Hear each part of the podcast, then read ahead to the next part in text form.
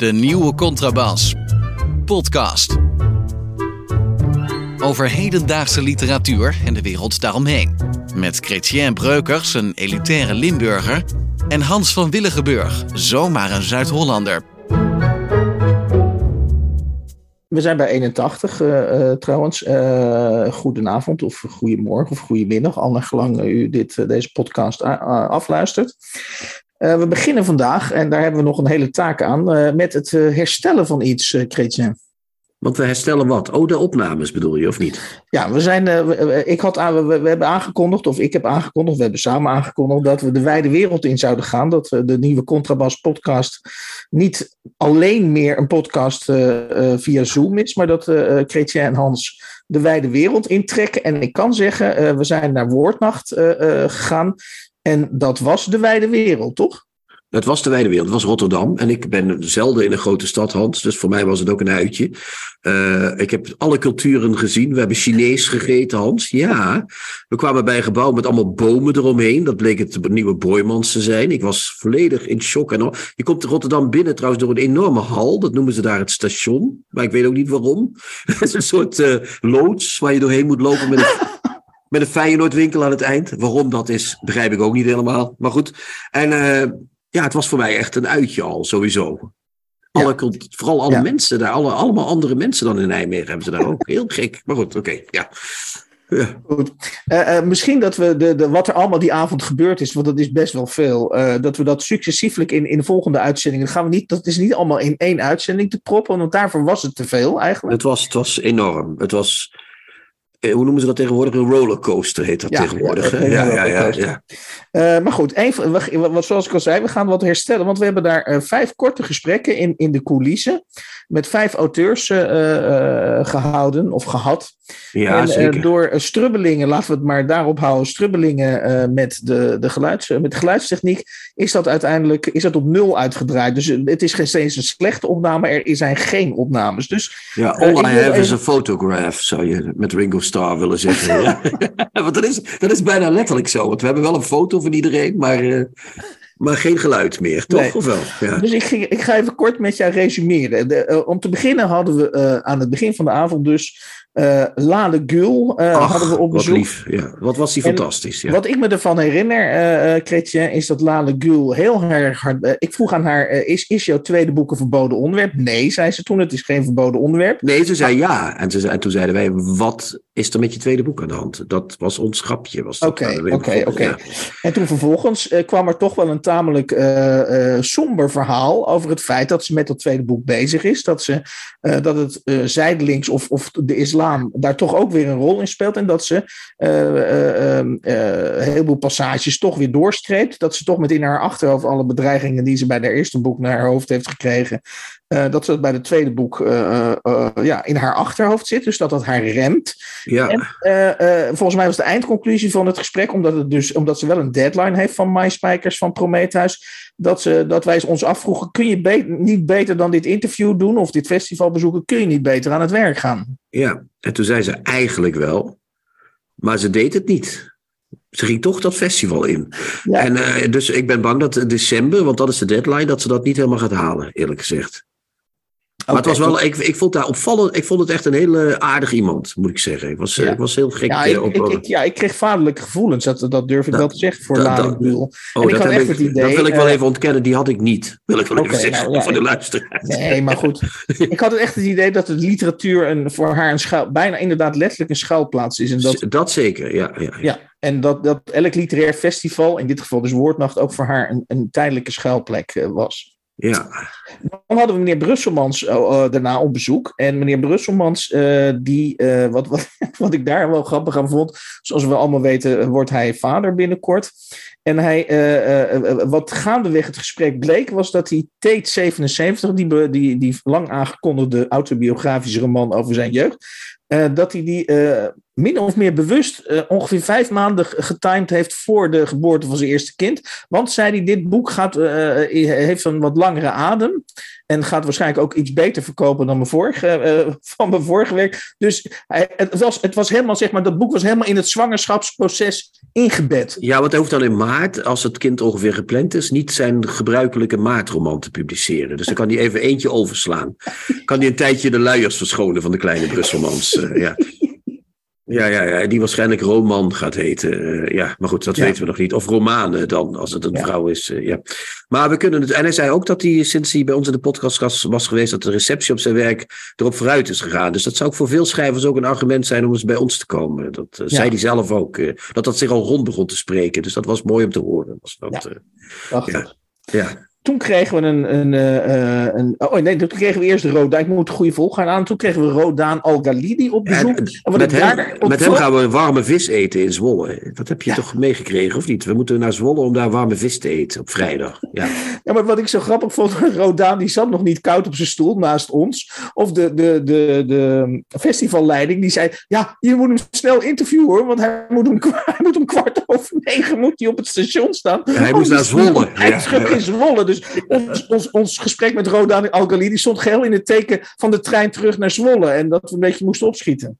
En toch was het een heel fijn en warm gesprek, niet? Ja, ik vond het ook een heel fijn gesprek. En, en, en, en wat ik zo grappig vond, ik vroeg aan hem: is literatuur misschien een beetje een lo? Ik, ja, goed, ik heb niet altijd intelligente vragen. Ik zei: is literatuur nog een feestje? En toen riep hij de voorbije coronaperiode uh, riep hij in herinnering. En toen zei hij: ik had nooit gedacht dat we nu in, uh, in, eind oktober um, 2022 dat we weer gewoon bij elkaar kunnen komen. Dus hij, hij, hij maakte er echt een heel warm, een warm feest van. Dat, we, dat, dat ik dacht, ja, verdraait Rodaan. Een jaar geleden uh, hadden, konden we ons dit allemaal niet voorstellen. Nee, Rodaan heeft geen pillen nodig om uh, vrolijk te zijn. Dat hebben we wel gemerkt. Ja. En het warme visje, wat we nog gaan halen ooit. Ja. Ja. Toen, toen, kregen we een oude criticus, Hans, de vertegenwoordiger ja, van de, van de oude zuilen. Ja, ja, wat ik leuk vond aan Jeroen Vullings is dat ik geloof dat uh, geen enkele geïnterviewde met tegenzin bij ons is aangeschoven. Maar Jeroen Vullings, maar, Jeroen, maar Jeroen Vullings had, wel een, had wel een buitengewoon enthousiasme, vond ik. Uh. Ja. ja, Jeroen Vullings kroop echt op het podium. Die ging echt. Uh, die zei echt, mag ik ook, mag ik ook. Het was fantastisch, het was ontroerend. Was het, uh, ja. En hij, ja. mocht, hij mocht bij ons komen. Ja, en, nou, en wat prettig was aan Jeroen Vullings... was dat hij onze kritiek volledig onderschreef. Daar was hij dus mee eens. Dus hij kan, in, ideologisch kan hij zo bij de nieuwe contrabas... Uh, dat hij zei, ja, het is inderdaad wel waar dat uh, literaire kritiek deels die winkeltjes van die auteurs moet, moet um, draaien moet houden. Dat het heel moeilijk is geworden om, om stuurs te zijn als criticus. Dat, dat, dat je daar een sterk karakter voor moet hebben. En inderdaad, dat hij zei, veel literaire kritiek heeft, heeft karakter gekregen van consumentenvoorlichting. Terwijl je een echte criticus, en dat, dat, dat, hij, hij is een criticus, dus daar ligt zijn hart Terwijl de echte criticus leer je pas kennen als hij een boek afzeikt. Of, of als hij een boek helemaal de grond in boort. Maar aangezien steeds minder, en je in steeds minder kranten de, de kans krijgt om een boek af te kraken. Want dan wordt snel geredeneerd, nou ja, als het geen goed boek is, dan behandelen we het niet. Uh, dat vond hij uh, een vervlakking van de kritiek. Ja, ik vond het een uh, sympathiek betoog. En er zat ook iets weemoedigs in, hè, in Jeroen Vullings. Van, uh, vroeger bij Vrij Nederland geweest, nu bij Elsevier's Weekblad of bij EW, zoals dat tegenwoordig heet. Ja. En ik kreeg ook een beetje de indruk dat hij zich een beetje uit de uit het centrum van, de literaire, uh, van, van het literaire middelpunt geduwd voelde. Hij had het ook steeds over Haarlem, waar hij woonde. Ik weet ook niet precies waar dat ligt of wat dat is, Haarlem. maar goed, dat schijnt iets te zijn waar mensen wonen. En, uh, ja, dat dus, is toch een plaatsje waarvan je in een eerdere aflevering hebt gezegd... als ik, als ik daar met de trein wegrijd, dan, dan heb ik het idee dat Haarlem zich oprolt. Nee, dan heb ik altijd dit het inpakken en in een kast doen. Dat ja, een paar mensen zijn die het dan zo, net als een soort speelgoedje voor kinderen, dat dat er ja. zo ingevouwen wordt en weg. Maar ik bedoel te zeggen, ik, ik had, hij had iets meer moeders. We, we, moeten eigenlijk misschien een beetje voor Jeroen Vullings gaan zorgen. Dat we hem een beetje, misschien moeten we hem er af en toe bij, moeten bijtrekken. Plek, moeten we een plekje creëren voor Jeroen Dat we af en toe een klein hoekje van Vullings, dat hij nog, uh, dat, dat hij een klein beetje nog, doe, Zing nog eens een leuk liedje, Jeroen. Zoiets, uh, dat we dat uh, gaan doen. En dan had jij nog, want ik, was, ik moest toen ook met de trein terug ja, naar Nijmegen. Ja. ja, ik heb daar toen een prachtige groep uh, onder. Ik ben bijna te laat in de trein gekomen, omdat ik een prachtige groep drag queens tegenkwam. van twee meter lang en heel donker van kleur. Dus dat was echt fantastisch om te zien. Okay. En, maar toen was jij met een andere drag queen aan het spreken, namelijk met. Ja, met Adriaan van Dis. De, Ja, de, precies. De, de, legende, de legende van Dis. Ja, hier ik is... moet- Ik moet je bekennen, eh Kreetje, eh, wij, wij waren dus eh, bij het programma. Laten we daar eerlijk over zijn. En ik zat, denk ik, twintig minuten zat ik in mijn eentje in mijn stoel. En ik dacht, nou, ik denk dat we het gewoon gaan afsluiten. Ik denk niet dat meneer Van Dis nog zich verwaarde. Want hij moest een trap op. Vanaf het hoofdprogramma moest hij een trap op om naar, het, naar de nieuwe contrabas te komen. Maar ja hoor, daar kwam hij met wandelstok en begeleid door iemand van de festivalleiding. Hij kwam keurig naar, mij, naar, mij, naar mij toe. En hij stelde zich keurig voor. En eh, ik heb geloof ik vergeten, foei, foei, foei. En te vragen of hij rode of witte wijn eh, wilde. Maar ja, er stond ook geen wijn. eh, dus, dus dat was ook een vreemde vraag misschien geweest. En Kretje, ik zal maar meteen bekennen. ehm, hij stortte gelijk, he- hij ging gelijk helemaal los. Ik, ik, ik, ik was inderdaad het spreekwoordelijke vloerkleed, wat geloof ik Gijs Groenteman ook altijd is, als er een geïnterviewd Ja, ja, ja. ja. Dus jij rolde kort- uit en hij kwam eroverheen. Binnen de kortste keer had hij het over literatuur, moet andere stemmen, is, is, is magisch omdat je andere stemmen leert kennen. En toen souffleerde ik hem het woord burgerschap. Nou, toen keek hij mij heel blij aan. Toen zei hij, kijk, dat is precies het woord dat ik bedoel. Nou ja, dus, dus ik, ik, heb hem, ik, heb hem nog, ik heb hem nog een zetje gegeven ook. Dus dat was Maar eigenlijk... beter een slet eigenlijk, Hans. Bah, Ja, maar ja. Toen kwam, het, toen kwam het magische moment, of er kwamen een paar echt eh, grappige momenten. Toen zei ik van, wordt u anno 2, want, want ik, ik, maakte, me- ja, in de- ik was dus een slet, je hebt helemaal gelijk. Ik zei, nou, u, u praat nog steeds heel eloquent over het belang van literatuur. Zou u anno 2022 nog een boekenprogramma eh, willen presenteren? En toen zei hij, of wordt u nog überhaupt gevraagd, vroeg ik. En toen zei hij, ja, ik, ik ben al een paar keer benaderd om inderdaad een boekenprogramma voor, eh, voor de NPO te doen. Voor de Maar- NPO zelfs, niet voor Max. Ja, ja, ja, ik dacht meer voor ja. Max of zo. Ja. Ja. Met André van Duin samen, denk ik. Ja, vind je niet? dat lag met Janneke van Heel Holland Bakt. Dat lijkt me ook leuk. Maar goed, oké. Maar goed, hij, hij, kwam, hij kwam tot de conclusie. Hij zei: Ik lees, eh, ik ben 76, dus ik lees heel langzaam. En eh, met andere woorden, dat kost me te veel tijd. Dan moet ik in een te hoog tempo lezen. Dus ja, hij is niet meer zo kwiek. Hij, hij zou ook in ons tempo zou hij absoluut niet meer mee kunnen. Eh, want wij lezen natuurlijk ons ook helemaal suf, zou ik bijna zeggen.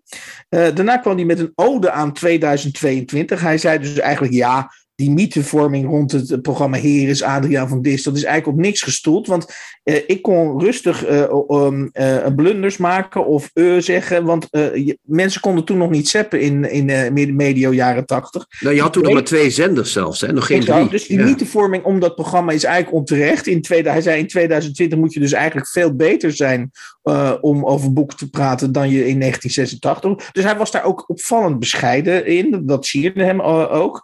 En ehm, verder zei hij, eh, een andere reden dat ik niet meer zelf een boekenprogramma wil maken, is dat er nog, denk, denkt hij, nog drie boeken in mij zitten. eh, Waarvan de eerste over zijn moeder gaat. En dat hij de rest, rest van zijn tijd eh, niet eh, of aan die drie boeken wil besteden. En niet aan, ja, aan, aan livlafjes eh, omtrent leesbevordering.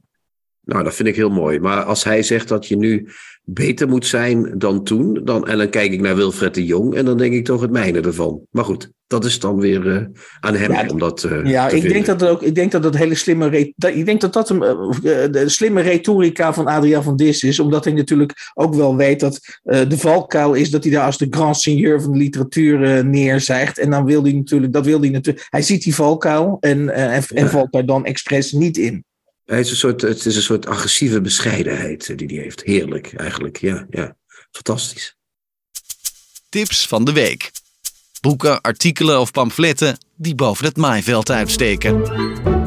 We zetten een traditie voort, eh, namelijk dat we de rubriek tips eh, eh, verenkelvoudigd hebben. Dus van tips zijn we naar tip gegaan.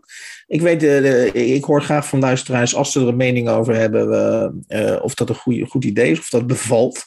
Eh, maar goed, eh, we gaan eh, hoe dan ook, voor- voorlopig gaan we één, weer één boek doen. En het boek dat we deze keer gaan bespreken is van Arie Storm. Een, een, ja, Arie Storm is van mijn geboortejaar, 1963. En hij heeft heel wat meer boeken geschreven dan ik. Laten we daar eer- eerlijk over zijn. Hij is zelfs een. ja, is, is, kunnen we zeggen dat.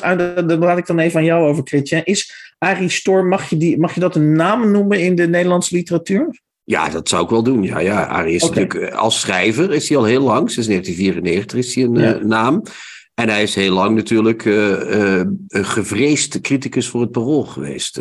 ja, en, hij, die, en, en, met een brandende toorts tekeer ging. ja. ja, en daar zou ik dan nog aan willen toevoegen dat Arie Storm degene was die ook jarenlang in wat, het programma wat nu Max Nieuwsweekend heet en vroeger de Tros Nieuws Show. Oh ja, dat was hij ook bespreken. Jaar, ja. jaar in jaar uit daarin nieuwe boeken besprak. En dat hij uiteindelijk is ontslagen. Dat is misschien wel een goede inleiding ook om, om bij dit boek te fungeren. Uh, dat hij uiteindelijk is ontslagen bij dat programma, omdat hij in een roman uh, had laten doorschemeren dat de presentatrice van het programma, Mieke van der Wij in dit geval, uh, de boeken niet las die, die, ze, die in die, in die show besproken werden. Met andere woorden, zij pronkte met kennis die ze volgens hem niet had. En Mieke van der Wij liet dat niet zo op zich zitten. En die heeft gezegd, die meneer Arie Storm, die wil ik niet meer in mijn show hebben. En dat, en dat geeft al een beetje aan dat Arie Storm, die neemt het graag op tegen reputaties. En hij doet dat dan ook vaak uh, door te zeggen: ja, maar mijn boek is literatuur. Dat heeft niks te maken met de werkelijkheid. Kijk, het probleem met Arie Storm, laat ik dat maar. Hè, jij, bent, jij blinkt ook uit in, in, in schoten vooraf. Mijn schot vooraf bij Arie Storm is dat alles wat Arie Storm doet, zegt of beweert, in feite de hele dag over Arie Storm gaat. Ja, ja dat is waar. Zijn navel is oneindig. Ja, zou ja, kunnen zeggen. En, en, dat, dat, dat, nou goed. En, en, dat hij de, en, en, en het irritante daar een beetje aan is, hoewel ik hem een goed hart toedraag, want ik vind wel dat hij een heel belangrijk geluid in de literatuur vertegenwoordigt. Maar het, het nadeel daarvan is, is dat je dus uh, steeds de hele tijd dat hij zichzelf in feite tot norm uh, verheft daarmee. Dus met andere woorden, uh, het gaat steeds over Arie Storm. Hij zegt dat het over literatuur gaat. Dus Arie Storm is, is literatuur. Ja, dat zou je op twee manieren kunnen duiden. Dat zou je ironisch kunnen noemen. Iets wat Arie Storm ongetwijfeld zal kiezen ja, als optie. Ja, ja, of je zou op een gegeven moment kunnen zeggen, na zoveel boeken weten we wel dat Arie Storm de literatuur is. Maar nu zijn we eigenlijk aan één stuk doorschoten voor de boeg aan het geven. Dat is ja, niet we gaan nu naar het boek, naar de harp. Als, je, als jij nou eens even een kleine... Want jij hebt het goed gelezen, dat weet ik zeker, Hans. Jij, jij niet dan? zeker wel, zeker ook. Maar nu mag jij eens een keer een fijne samenvatting geven van het boek. Oké, okay, nou, um, uh, dat, dat is best lastig. Uh, je, ja. dus je, je, weet waar je, je weet waar je wanneer je de beurt moet, op, niet moet overgeven. Nou, kom, ik heb ook hele zware dobbers gedaan, dus nu kan jij ja, dat ook okay. wel keren. Uh, het gaat over een schrijver, maar dat is altijd bij, de, bij Arie Storm gaat het altijd, bijna altijd over een schrijver. Dus, dus dat, dat, in die zin is dit een vintage, vintage Storm. De, de schrijver die heel veel gelijkenissen vertoont met Arie Storm heet Tom van Zanten. En Tom van Zanten die wordt door Fiona, uh, zijn, uh, zijn ega, zijn ega uh, wordt hij erop uitgestuurd naar Terschelling om een, een, manuscript te vernietigen. Want er is een oom, dacht ik. De, nee, nee, de vader van Fiona is dat. Oh, de vader is de vader van Fiona, dat ja. is een politicus waarin we heel oh, je neemt verte... het over. Nou, vind ik ook goed. ja, ja, sorry, maar jij zegt dat het een oom is, maar het is de vader nee, dat van dat Fiona. Is, dat, is, dat klopt. en, en die vader en die heet Alfred. Terschelling. En die, en die heet en, Alfred W. heet die. Wordt die heet Alfred W, precies. En je zou kunnen zeggen, het hoofdmotief van het hele boek is dat um, Tom van Zanten, of laat ik het zo zeggen, de, de memoires van Alfred W, daar schijnen allerlei onverkwikkelijke dingen over de familiegeschiedenis in te staan. En Fiona, zijn vrouw, wil niet dat die naar buiten komen. Dus het hoofdmotief van het boek is dat Tom van Zanten dat manuscript moet zien te vernietigen. En het leuke van Arie Storm is dan dat hij al, op, op, in, al helemaal in het begin van het boek, want die man die woont op Terschelling. Uh, en dan zou je zeggen, nou, je gaat naar Terschelling, want daar woont die man. En daar moet hij heen om dat, uiteindelijk dat manuscript te vernietigen. Maar dan krijg je dus, en dan kom je dus in, het, in, in, in, in, zeg maar in, de hybride, uh, in het hybride schrijfproces van Arie Storm terecht. Dan, dan kom je dus, uh, er, er, gaat hij helemaal beschrijven waarom die een heek, en dat is, ben ik dus niet achter. Maar dan, hij laat jou geloven dat Terschelling een verschrikkelijk eiland is. Daar, waar, Ja. waar alleen maar hele erge en hele sombere en hele deprimerende dingen gebeuren. Ja, we wonen En, alleen maar eh, halve gekken wonen daar ongeveer, zeg maar. En, en die schoonvader van hem natuurlijk, die een soort Ha- Hans Wiegelachtige politicus is, als je dat Ja. goed eh, gelezen Ja, hebt. En die komt ook al voor in List en Leed, hè, in het vorige boek van Arie Eh, nee, dat diezelfde- heet een, eh, schoonheid. Dus je hebt Eh, schoonheid. schoonheidsdrift, sorry, sorry, sorry. Ja, Ja, dan moet ik jou even corrigeren. Ja, Ja, ja, ja, we- ja. We, zijn, we, zijn, we zijn een team, eh, Christian. We- Ja. we, together we're one person. Ja. En, en die Alfred W., dat, dat, dat is ook, eh, tenminste, dat, dat, dat, vind ik, dat vind ik wel komisch aan het boek, of dat heeft me absoluut vermaakt, is dat Arie Storm zich verlustigd heeft om alle eh, negatieve eigenschappen van de boomer-generatie, de baby-boomer-generatie, die, die zijn verenigd in Alfred W. Dus, dus Ja. hij is rijk, hij, hij, hij is ijdel, eh, hij denkt dat, eh, maar hij kan niet goed schrijven. En dus wordt Tom van Zanten wordt ingeschakeld om dat boek, om die memoires te verbeteren. Ja, dat is dat. Dat is, het, dat is ongeveer de lijn van het verhaal. Maar we zijn natuurlijk bij Arie Storm, dus de lijn van het verhaal is niet alleen maar de lijn van het verhaal. We komen ook nog in een verhaal terecht waarin Arie Storm, of nee, nee, nee, nee, nee, nee, fout zie je, ga ik zelf Tom van Zanten. Waarin Tom van Zanten in de jaren tachtig gaat studeren in Amsterdam. En dat studeren in Amsterdam, dat is dan ineens in de jaren tachtig. En dan is alles nog vies en voos en arm en iedereen heeft een uitkering of een studiebeurs. En de jonge Tom van Zanten gaat met een schoolvriend op een dag naar Amsterdam om eens te kijken of dat daar uh, te doen is, dat studeren. Ja. En die komt daar terecht bij die schoolvriend op die kamer en daar zit een meisje harp te spelen. Dat zou je de titelverklaring kunnen noemen van het geheel. Ja. Dat harpspel, dat zet een hele. Dat harpspel is de, de Madeleine van Arie Storm. Hè? Dat is de, de, de Madeleine Ja, die dat hele jaren tachtig verhaal aanzet. ja, dus dat is een verwijzing eh, naar Proest, inderdaad. Ja, klopt. Dat is een soort. eh, ja, het is, het is een muziekinstrument en geen koekje, maar het is wel iets wat alles losmaakt. Dus dat. Exact. En dat verhaal uit de jaren tachtig, dat, is, dat zegt een beetje hoe het zo gekomen is. En hoe die eh, in Amsterdam terechtkomen vanuit Den Haag. Want altijd komen die personages van Arie Storm vanuit Den Haag Mhm. in Amsterdam terecht. Eh, en altijd eh, komen die bij een vrouw terecht, in dit geval Fiona. En altijd zijn die bezig met het in stand houden van het gezin. Is hier ook weer het geval. Ja. En in dit geval hebben we als. eh, eh, nou ja, er komt ook heel vaak een hele kwaadaardige broer in die boeken voor. Die zit hier ook weer in. in dit boek. Pimmetje, hè? Pimmetje is dit. Pim, oftewel Pimmetje in dit geval. En eh, er komt hier ook zelfs een soort eh, halve halfzus eh, in het boek terecht. Maar dat is eigenlijk meer een verhaallijn die we niet mogen verklappen. Eh, en eh, er is natuurlijk in dit geval eh, niet een moeder, want er komt ook vaak een hele kwaadaardige schoonmoeder in die boeken voor. Maar nu komt er een hele akelige, vervelende schoonvader in dit boek voor. Dus Ja, alle ingrediënten van Storm zitten erin, zou je kunnen Ja. zeggen. Ja, en, en, en het mooie, kijk, het, of de, of het intrigerende van die roman is, en dat, dat, dat, dat is dus eh, typisch Arie Storm, is dat in feite alle personages staan bijna, want het hele boek gaat volgens mij, zoals het hele oeuvre van Arie Storm, eigenlijk o- over literatuur gaat. Zo staat Alfred W. staat natuurlijk voor een geperverteerde opvatting van literatuur, namelijk dat omdat je een belangrijke functie hebt gehad, je ook denkt dat je een boek kunt schrijven. Ja, memoires, hè, of een memoir noemt hij dat ook steeds. Exact. En er komt ook, en eh, die naam is me even, die heb ik, ik niet, eh, nee, die naam is me even ontschoten. Er komt ook, want zijn vrouw, eh, die is dus eh, net als in het echt, eh, een Fiona. functie bij een uitgeverij. Julia Vis is weer- dat. Ja, Julia Vis. Ja, Julia. Een ex- een ex-minnares van, eh, van, eh, van eh, Alfred W. En die is ook bezig met, eh, met een eh, boek. En eh, dat gaat over de lesbische liefde. Ja, ja, En, en Tom van Zanten maakt zich soms ook een beetje druk over het feit dat misschien die Julia en die Fiona wat al Ja. te veel ook de lesbische liefde beoefenen buiten het redigeerproces. jaloezie speelt bij Storm ook vaak een rol in die boeken trouwens. Nou, Ja. ik denk, als we, hè, we hebben nu in Eendrachtig hebben we gepoogd een, een, een- de, de, de waaier aan motieven en verhaallijnen die die storm op ons afstuurt een beetje te vatten. Ik weet niet of ik denk dat de veelkleurigheid wel overkomt bij de, Ja. de lezer. En, maar Ik zou, ik zou tegen de lezer zeggen, probeer het zelf even. Want wij, wij kunnen niet meer dan het neerzetten. Dat is het enige wat wij kunnen doen. eh, ja. Ehm, maar ik weet niet hoe jij. Kijk, dus, dus met andere woorden, eh, in feite eh, laat Arie Storm al zijn motieven, al zijn kunnen, laat hij los. Die die, die, die, die naar 20 à 30 jaar schrijverschap heeft opgebouwd, die laat hij in feite los naar mijn idee in de harp. Ja. Eh, en het, het, het, punt is eigenlijk een beetje dat eh Arie Storm is, heeft een stijl, eh, kan zo goed schrijven, want hij kan heel goed schrijven, daar, daar bestaat geen twijfel over. dat hij zo goed kan schrijven dat hij, dat hij steeds zijsprongetjes maakt, of in ieder geval zichzelf steeds zijsprongetjes toelaat, waarvan je op een gegeven moment als lezer denkt: nee, blijf nou even, Arie, Arie, Arie, Arie, blijf nou even op de hoofdroute. Eh, eh, en daar heeft hij geen zin in. En dan krijg je dus bijvoorbeeld eh, op pagina 151 dat ik denk, blijf nu even bij de les. Nee, dan zegt Arie op 151, de relevantie van liter- literatuur wordt gevormd door de irrelevantie ervan. Zonder de irrelevantie is literatuur niets. Literatuur is per definitie niet essentieel. Dat is wat haar essentieel maakt. En dan denk ik, dit is drie keer min of meer hetzelfde, Arie. Ja. Dit kan, dit kan Ja, dit, is, dit kan korter. En eh, dat is denk ik, als ik heel eerlijk en, en een hele ruwe bocht moet nemen.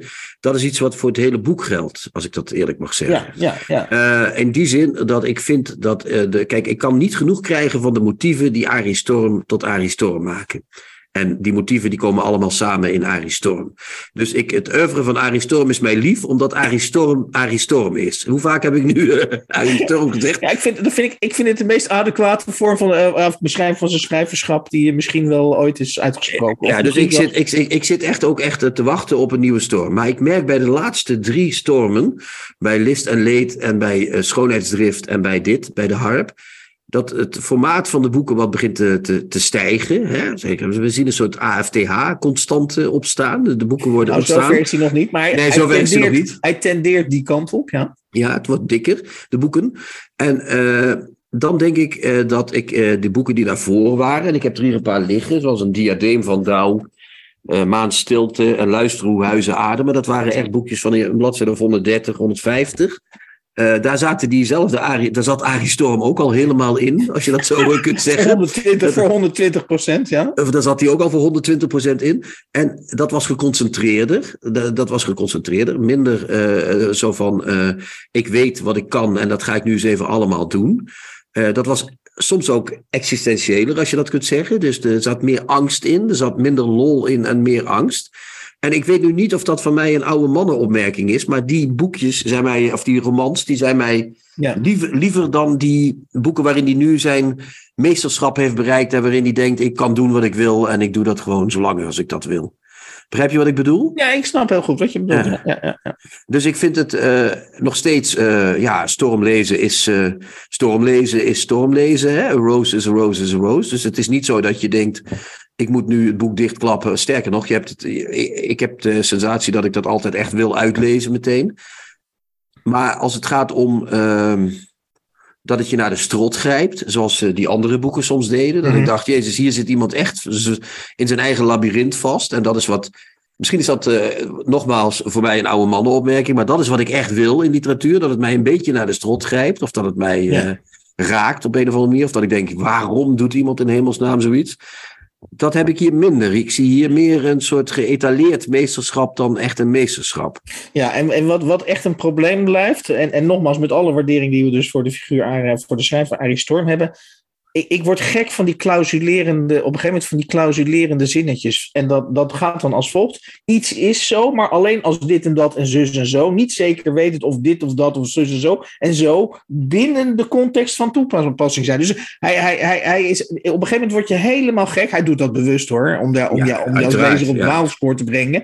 Maar, maar, maar en, en, ik, wat ik er fascinerend aan vind, is dat ik ook werkelijk denk dat hij uh, op die manier een soort inzicht geeft in hoe de menselijke geest daadwerkelijk werkt. Namelijk, je doet in feite altijd een soort gooi naar wat jij denkt dat klopt. Uh, en, en veel meer is het niet. Dus hij, hij, hij is wat dat betreft ook heel sceptisch over, uh, of tenminste zo komt het op mij over, heel postmodern en heel sceptisch over, over kennis en over, over, over in zekere zin over vooruitgang. Al, alles is ironisch, alles, alles is. en toen, maar toen heb ik op, op een gegeven moment, en je weet, ik, ik, ik sla dan aan, omdat hij ook, dat, dat is ook een van zijn motieven. En daar, daar uh, is dat zijn, zijn literaire uh, auteurschap speelt zich helemaal af in Amsterdam.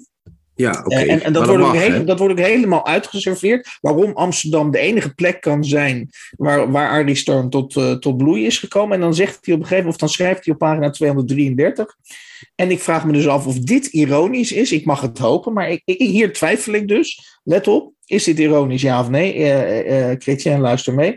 In Amsterdam verdwijnt uiteindelijk alles. Maar nergens anders in Nederland wordt intenser geleefd. Ik weet niet of het ironisch is. Ik denk het niet, eerlijk gezegd. Uh, nee. Maar dat maakt niet uit. Ik, mag ik nog een stapje terugzetten of niet? Ja, Want, natuurlijk. Uh, ik denk dat Arie. Kijk, we hebben ook Gerben van der Werf besproken. Hè?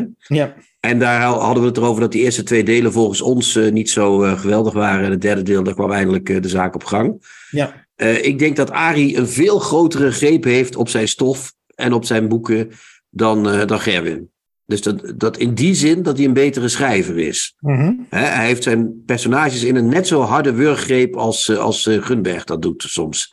Hij zet ze echt neer en dan begint hij te bepalen wat er gebeurt. Dat is één. Uh, het tweede is... Hij ja, net, net als grote verschil, sorry dat ik je onderbreek, dat Grunberg personages echt kan loslaten, die gaan leven, terwijl de personages van Arie Storm gaan blijven over... Daar, daar staat AS op hun ge, getatoeëerd. Dus ik vind daar wel een kwaliteitsverschil in zitten. Ja, maar die komen wel tot leven. Hij komt, die Arie Storm komt wel tot leven, vind ik zelf. Maar goed, in die, andere, in die boeken die ik heel goed vind, komt die, komt die tot Ja, leven. ja. Het tweede is, Arie is inderdaad een postmoderne schrijver. Dat is waar. Dus in die zin zou je al die dingen, die, die trucs en die dingen die hij gebruikt kunnen zeggen van nou, dat is eh, zoals het, dat, dat hoort zo in een postmoderne roman. Nou ja, hij is opgegroeid in de jaren tachtig. Dus ja, Dus dat- hij is net zoals wij, hij is doorkneed eh, van het, eh, van het eh, postmodernisme. Het derde is, is dat Arie een hele, ook hele linkse jongen is. Hè? Soms ineens van die opmerkingen tegen die politicus en zo. Dat is ook bezit is, diefstal, weet je wel. Echt zo'n jongen uit de jaren tachtig ook inderdaad. Ook weer Ja. uit de jaren tachtig. Zo'n echte oude, het is geen oude kraker. Maar het is wel iemand die vindt dat als je een huis bezit, dan ben je toch wel een soort van misdadiger. ja. Eh, dat is, dat is, die elementen komen allemaal steeds terug. Daar, maar ik denk dat zijn, en dat denk ik echt serieus met dit boek, zijn greep is te groot geworden op die stof. Hij zit er te goed in. Hij zou Ja. eigenlijk eens een keer iets moeten doen waardoor die greep iets los, of, of losser wordt, of een ander onderwerp kiezen. Ik weet het niet. Maar ik heb er nu ook langzaam het gevoel dat ik het steeds opnieuw. En het gek is, ik had dat bij het 16e of 15e boek niet, dat ik het opnieuw las, terwijl ik het toch opnieuw las. Maar nu denk ik, ja, nu, eh, nu, nu gaat hij in herhaling vallen. Ja, en het is ook niet zo. de- de- ik bedoel, je kunt veel van de harp zeggen, maar als je het uit hebt, heb je het uit. Ik bedoel, dan ga je, dan, je hebt niet. Tenminste, ik weet niet wat jij had, maar ik had. eh, soms, sommige boeken die wil je overlezen, eh, maar dat had ik Ja. hier absoluut niet. Ik heb speciaal voor deze eh, aflevering heb ik nog een oud boek van hem. eh, en het speciaal niet een van die lievelingsboeken die ik noemde, maar eentje wat ik nog niet zo vaak eh, gezien had. Ik heb Gevoel opnieuw gelezen. Mhm. Dat is ook zo'n, zo'n zo- ja, het is ook weer een verhaal van Arie Storm over Arie Storm, zal ik maar zeggen. En, en toen dacht ik, ja, maar hier, dat, dat- greep me echt naar de strot, omdat er een soort angst in zat ook voor, voor verlies. En, en, en dus dat, dat, dat, dat hield me wel bezig. Dus dat is waar. De, de, de Harp is niet een boek wat ik denk ik heel gauw voor de tweede of derde keer zal lezen. Nee.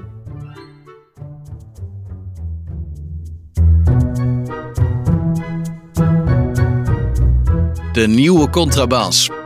Podcast.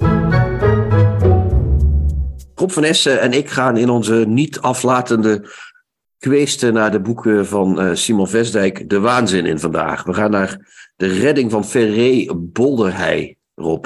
Ja, dat was weer een eh, geweldig boek. Een boek van net na de oorlog, als ik het goed heb. Even kijken, wanneer was de eerste druk? 48. Oh, hier, 1948. hier staat 47, dus die drukken van toen, dat Ja. moet je ook niet altijd... eh, rond die tijd... dat, Geschreven in, van januari tot maart 1946. Ja, ook weer in een redelijk rap tempo.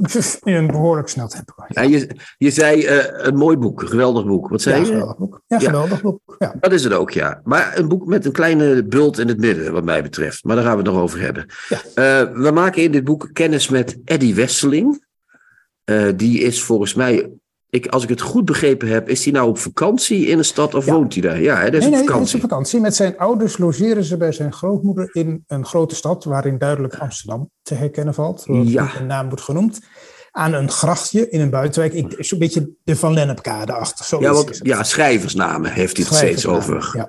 Dus waar de avonden zich afspeelt ongeveer, zou je kunnen zeggen. Nee, dat de buurt. is de Israëlskade. Dat Oh, dat is schil- een Schilderswijk, schilder, ja. Dus, Ja. Nee, nee, het is, eh, het is in, eh, in West volgens mij. Hij, hij logeert met zijn eh, eh, ouders eh, bij de grootmoeder. Dus in Amsterdam. En hij gaat in zijn eentje een beetje de stad rondtrekken. Hij is 16. Dus het is, het is eigenlijk ook een soort coming-of-age roman, kan je zeggen. Het speelt zich allemaal in nou, misschien in een, één, twee weken af, de handeling. De zomervakantie. In een wat grauwe stad. En er is een, neef, die is 18. En dat is de legendarische Free Bolderhei. En die Frey, die zien we bijna niet. Maar die is er wel de hele tijd. Want Eddie raakt een beetje gefascineerd door Frey. Want van Frey wordt gezegd dat hij niet helemaal goed is. Dat hij Nee. schizofreen is, krijgt hij zelfs te horen. Precies, Frey is krankzinnig en die, heeft, eh, die werkt op een volkstuintje. En die ehm, is vroeger gepest en die kan heel mooi piano spelen. En hij is nu eh, onder behandeling bij een zenuwarts. Of nee, bij een psychiater. Ja. Ja, wel zenuwarts in het boek geheten nog, volgens mij. Maar goed, eh, dat, zo'n soort dokter. Ja. En eh, die, eh, die Eddie Wesseling, die gaat eh, en de stad in, dat zei je al. Die maakt dus een beweging de stad in. Zijn coming of age maakt hij mee. Maar die schroeft zich langzaam ook vast in de waanzin, als ik het zo mag zeggen. Ja, Of vrij, vrij snel al eigenlijk. Als je het zo Ja, dat begint eigenlijk al in het, in het eerste hoofdstuk. Dan staat hij met zijn vader s'avonds op het balkon van het huis waar ze logeren. Kijken ze uit over de gracht en dan ziet hij drie naakte jongens die over straat komen aanrennen. En dan in de gracht springen en gaan zwemmen. En hij heeft sterk de indruk dat hij de enige is die dat ziet. En zijn vader ziet dat niet. Hij voelt zich dan ook heel verloren, in de steek gelaten door zijn vader. En eigenlijk is dat de voorbode voor de eenzaamheid waarin hij de rest van die roman zal doorbrengen. En de steeds verder groeiende fascinatie voor zijn oudere neef Frey Bolderhey. En uh, hij begint zelf steeds meer te hallucineren in zijn tochten door de stad. Freebolde, hij is ooit, het is een verhaal dat hij ooit eens met een paraplu is gepest door, eh, op school. En dan ziet uh, Eddie Wisseling, die ziet overal paraplu's die mensen aanvallen. En die hem zelf ook Zelfstandig aanvallen ook, hè? Ja, dus zelfstandig rondzwevende, ja, ja, ja. ja. Was, uh, ja. als een soort degens scheren ze door de lucht. Ja. Uh, je kan nooit meer naar een zwarte paraplu kijken als je het boek gelezen hebt met neutrale gevoelens. Ze blijven agressief op kringen. Ja. ja, het was vandaag regenachtig. Ik was even buiten. En verrassend hoeveel zwarte paraplu's er op straat zijn, kan ik zeggen. Dat is, ja. Tenminste, dat hoop ik dat ik dat goed gezien heb. Want dat weten we natuurlijk niet. Nee, maar die waanzin, hij, hij ziet in al die hoofdstukken dingen eh, die er komen vanaf het eerste hoofdstuk, ziet hij dingen waarvan je denkt, is dat nou echt waar of is dat niet waar? Eh, heel vaak wordt de suggestie gewekt dat het toch hij als enige dat is die dat ziet, hè? Zeker. Toch? Ja, dus, ja zeker. Ja, dus Vestdijk, hallucinaties. Ja, Vestdijk neemt je vaak mee in een verhaal. Hier neemt hij echt alleen maar mee in dat verhaal van die waanzin. Zeg ik dat zo goed? Ja, het is de waanzin van, van uh, Eddie Wesseling. En het wordt, die wordt een beetje op het verkeerde been gezet, vind ik, door de flaptekst. Ik weet niet of toen ook al de gewoonte was dat de auteur zelf zijn flapteksten schreef. Maar daar wordt de waanzin, de groeiende waanzin van Eddie Wesseling wordt uh, beschreven als een soort waanzin uit sympathie. dat is dat hij uh, uit sympathie met zijn krankzinnige neef zelf ook begint te hallucineren en psychotische episodes krijgt. En dat komt er niet helemaal uit. Het is, ik vind het eigenlijk eerder een, een soort waanzin. Het is een soort messiascomplex, zou je bijna kunnen zeggen. Hij wil Frey redden. Vandaar ook de titel De Redding van Frey Bolderhey. Dat ja. lukt hem uiteindelijk niet, kunnen we alvast verklappen natuurlijk. Ja. Maar het is een soort wanhopige poging om, uh, om Frey te redden, om, om te worden ook. Hij, hij is gefascineerd door de jongen. Hij wil hem worden. Dat lukt uiteindelijk wel op een bepaalde perverse uh, manier in zijn hallucinatie. Via een offer ook. Maar goed, daar komen we dadelijk ja. misschien nog op terug. Ja. Ja. Maar ik ben wel benieuwd wat jij de bult in het midden van je roman uh, noemde. Ja, daar wilde ik net uh, naar na jouw uh, verhaal naartoe. Dat, tenminste, dat was een mooie opmaat daarvoor. niet, niet alleen een opmaat, maar ook. dat is dat ik merk, in het begin word je meegenomen door Vestdijk die waanzin in. dan komt hij op een gegeven moment in een leeszaal. In, in, waarschijnlijk in het oude gebouw van de, van de Amsterdamse bibliotheek of zo. Ja, ja, ja. En uh, daar komt hij een meisje tegen, Cecilie, hè? of Cecilie, of hoe moet je dat zeggen? Uh, en als hij die dan ontmoet, dan raakt hij ook een beetje door gefascineerd, toch? Kun je wel zeggen. Uh, hij raakt zelfs een beetje in haar ban en hij gaat met haar naar buiten en ze gaan zoenen. Dan vind ik dat er een paar hoofdstukken komen die mij iets te beschrijvend zijn en iets te saai, eerlijk gezegd. Dan vind ik dat, dat Vestdijk ons een klein beetje op de proef stelt. Als ze zo naar buiten gaan en dan naar de dierentuin. En daar krijg je ook weer een soort pandemonium, speelt zich daar weer af. Is, dat is na zijn tweede bezoek aan de bibliotheek. De eerste ja, is verloopt nog voorkomen normaal. En zijn tweede bezoek, dan begint hij te hallucineren. Al die stamgasten die hij de vorige keer heeft leren kennen, blijken zich nu zelf ook heel raar te gedragen. Ik vind daar wel een hele mooie episode in zitten. Als hij uit het raam van, de van die leeszaal klimt, die helemaal bovenin zit. En dan komt hij in een soort, bijna een soort voorwereldelijk landschap, komt hij uiteindelijk terecht. Via de daken van die huizen. Ja. Dat uh, vind ik wel heel goed gedaan. Uh, en dan weet je ook, ja, het is nu wel definitief mis uh, met de jongen.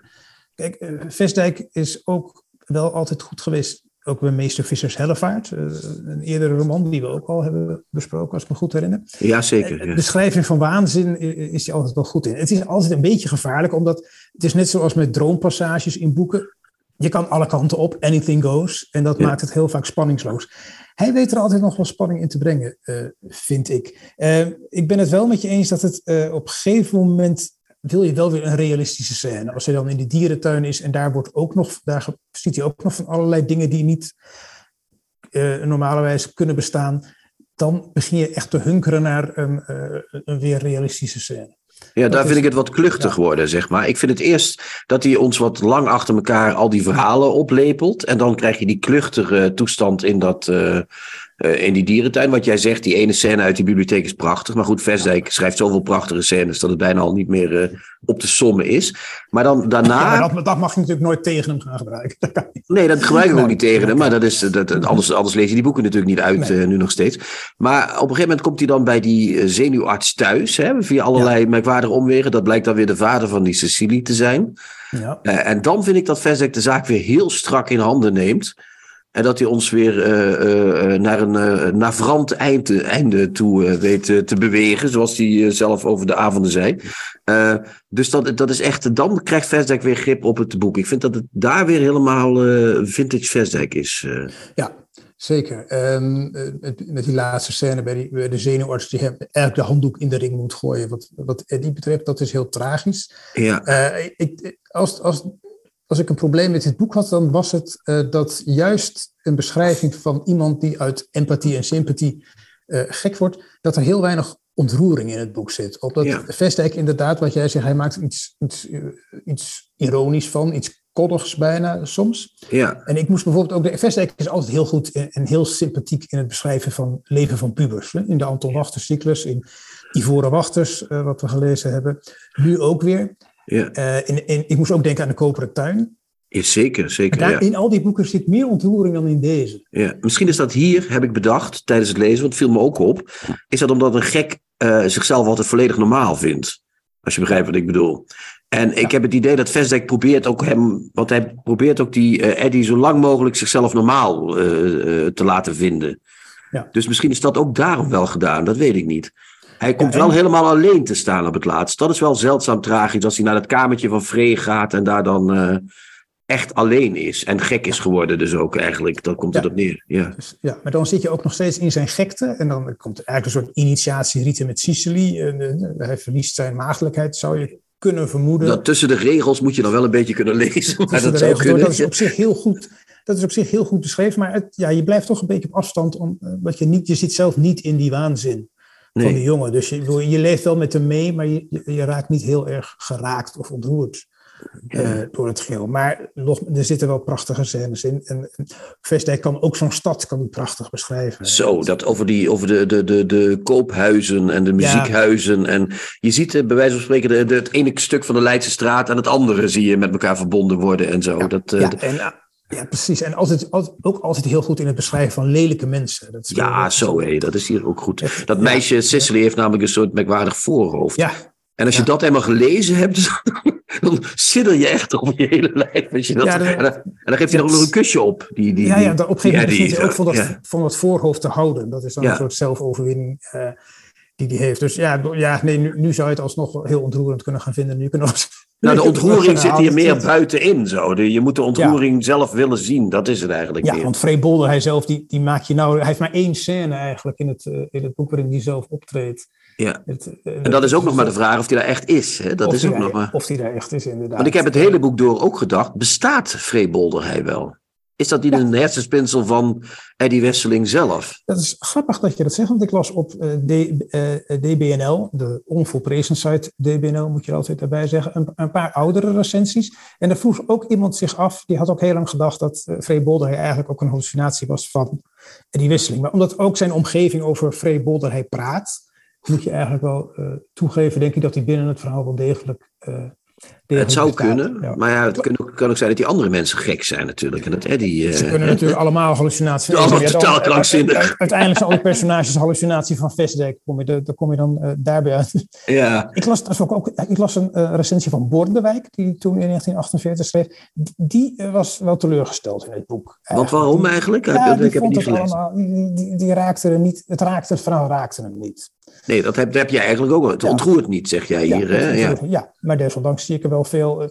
Ik heb het wel met heel veel eh, leesplezier tot mij genomen, moet ik zeggen. En, en, en, die, en die door de lucht scherende eh, paraplu's en zo. Dat is toch een geniale vondst. Ja, dat dat een soort, dat zie je, het is heel beeldend beschreven, dat zie je ook voor je. soort Er Monty een Python. Ja. Er zit een, ja, precies. Er zit een prachtige scène in. eh, hij zoekt wanhopig naar die naam van die behandelend psychiater van Frey. Want daar wil hij naartoe. Maar hij weet niet meer hoe hij heet. En dan komt hij eh, toevallig op de vlucht voor politieagenten. Komt hij terecht in een soort spiritistische seance. Of een soort medium die mensen uit de zaal vertelt. eh, eh, hoe oud ze zullen Ja. worden. Of hoe het met overleden huisdieren is. En die noemt dan toevallig de naam Verwoerd. En dan weet en die plotseling, ah ja, zo heette die man. Dat is echt heel goed gedaan. Er zit echt een ontzettende vaart in dat, in, in dat stuk van de... Het is, het is gek natuurlijk dat Bordewijk Vestdijk verwijt dat hij niet ontroerend schrijft. Want nou ja, dat was nou ook weer niet meteen... Uh, Bordewijk is ook niet meteen de meest ontroerende schrijver van Nederland nee, ooit. Bordewijk, er staan meer recensies van Bordewijk uh, uh, op die site. Bordewijk is ook een vrij zagrijnige recensent. Lekker toch? Ja, heerlijk. Ja, ja. streng is een beetje zo'n oude man. ja, ik weet niet hoe oud hij toen was, maar oud geboren misschien ook. Maar zo'n zo mopperende man, dat kon, hij, dat kon hij wel goed. Hij gaf ja. een goed cadeau aan, ze, aan, aan, de auteurs. En ze hadden bijna naar terug gaan verlangen naar dat soort Het is maar goed dat ze toen nog geen sterren uitdeelden. Want hij zat, het waren er twee geworden voor dit het boek. Waren er waarschijnlijk twee. Maar wat, wat, gaan we, wat gaan we concluderen over dit boek? Ik, ik heb heel lang gedacht tijdens het lezen... Het is een uh, vier, maar geen vijf sterren Vestdijk. Maar ik ben uiteindelijk zelf toch op die vijf sterren uitgekomen. Ik vind het weer een perfecte Vestdijk, vind ik het. Maar ik vind, ik vind het niet uh, perfect. Ik vind het uh, wel een van de die paar hoofdstukken na, sorry. Ja. ja. ik vind het een van de origineelste Vestdijken die, die ik heb gelezen. Ik vind het, een hele, het is heel moedig dat hij zoveel scènes van pure waanzin beschrijft. En dat je toch het boek niet weggooit. Dat is een, hele, dat is een knappe prestatie. Um, dat, dat er niet helemaal uitkomt waarom Eddie nou zo geobsedeerd is door vrede, dat vind ik jammer. Maar dat, dat geldt misschien voor gekken altijd. Waarom wordt iemand gek? Waarom heeft iemand ineens interesse in iets? Waarom, uh, hè, dat kan ja, natuurlijk, gekte kan aangezet ja, worden door alles. Ja. Precies, maar dat is dan wat je eerder zei, dat juist het beschrijven van een gekte die afstand eigenlijk uh, in zich heeft, omdat je er nooit bij kan komen. Dat, dat, uh, boeken zonder gekte, zoals de, Koperen Tuin of Ivoren Wachters, uh, of die Anton Wachter romans, waar ook de jongens uit dezelfde leeftijd in voorkomen, die ook allemaal een beetje iets van Vestdijk hebben. Ja, ja, die jongen met die, die, tanden natuurlijk ook nog, hè? wat was het ja, weer? Ivoren, Ivoren Wachters. Wachters. Ja, ja, dat, ja, dat, dat, dat raakte mij meer, maar ik heb wel een grote bewondering voor, ook voor deze roman. 4,5 ster komen we dan erbij uit, of niet? Oké, okay, ja, als we sterren moeten geven, dan gaan we wel, uh, ja, 4,5 okay. kan ik ja. heel goed meeleven. Nou, op naar de volgende roman van Vestdijk. Hebben we al een idee waar we heen gaan? Zullen we eens een hele een, een, een late Vestdijk nemen? Ja, want we zitten nu de hele tijd in deze tijd een beetje. Hè? Precies, want we, nemen, uh, we, we, maken het ons gemakkelijk door de, de succesnummers te nemen eigenlijk. Maar we, we hebben de hotelier, de hotelier doet niet meer mee of zo. Dat is een hele late. Ja, is dat, dat is een late en een historische. Dus als dat ja, niet een Napoleon. Is, ja. Als dat niet taai wordt, dan weet ik het ook niet meer. Dus ja. Ja, dan, dan doen we dat. En als we, ik heb al bedacht net, als we klaar zijn met Vestdijk, over een jaar of zeven in dit tempo, ja. dan gaan we Bordewijk doen, uh, Rob. doen. Waarom niet? Waarom ja, precies. Ja. Oké, okay, dankjewel. Tot de volgende keer. Tot de volgende keer.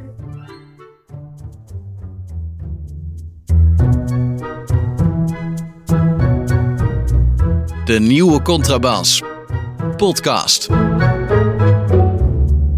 In de 81ste aflevering van de nieuwe Contrabas podcast uh, uh, werden besproken uh, door Chrétien en mij de roman De Harp van Arie Storm.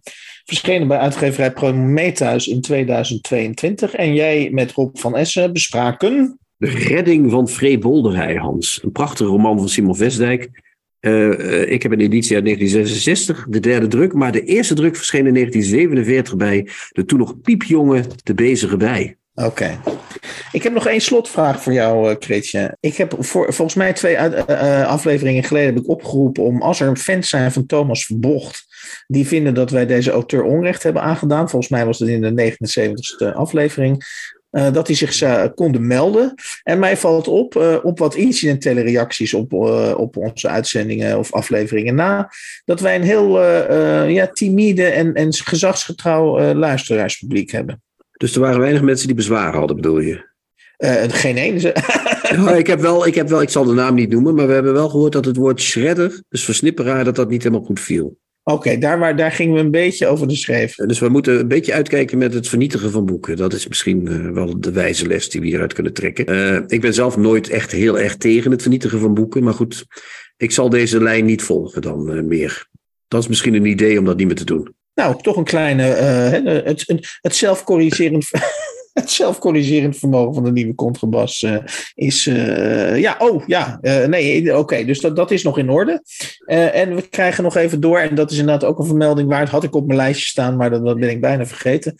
Is dat we weliswaar miniem, maar we zijn over de grens van 4500 euro aan crowdfunding heen. Ja. Uh, maar uh, ja, zeker uh, doen wij een, een, beroep op onze gefortuneerde luisteraars. Ja.